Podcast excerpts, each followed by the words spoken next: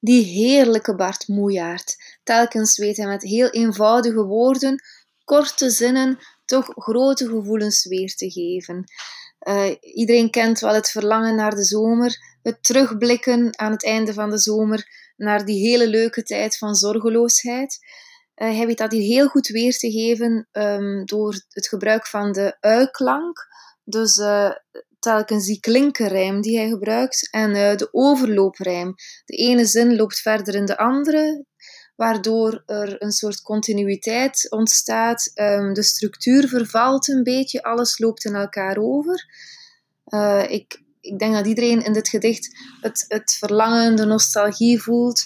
Zeker in deze tijden van coronacrisis uh, kijken we wel allemaal een beetje daar naar uit.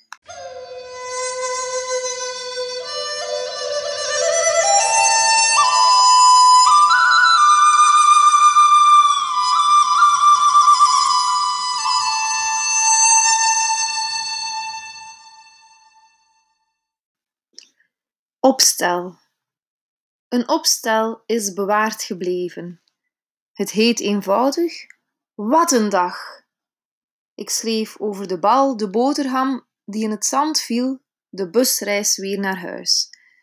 Uit alles sprak dat ik vandaag niet te geloven had genoten.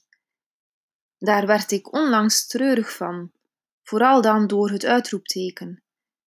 Er is een tijd geweest dat ik van blijdschap in mijn handen klapte en dat een bal, gevallen brood, een busreis onvergetelijk leken.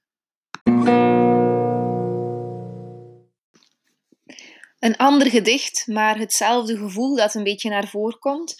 Um, nostalgie, uh, genieten van de kleine dingen. Uh, Bart Moejaert die probeert de eenvoud hier ook wat te benadrukken door um, de alliteratie bal, boterham, busreis.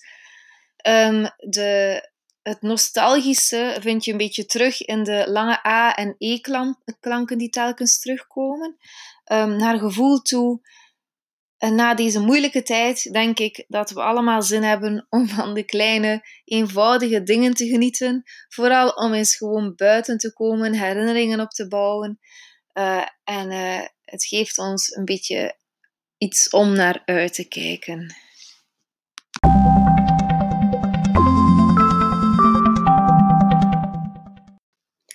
Deze gedichten zijn kort en eigenlijk kan je ze nog beter zelf in een boekje lezen. Uh, het dichtbundel heet Helium.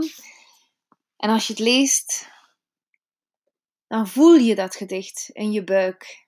Dan blijft dat hangen. En dan denk je, ik heb hem ook al zo gevoeld. Je herkent het en je kijkt er naar uit om je terug zo te voelen. Dat is het fijne aan gedichten.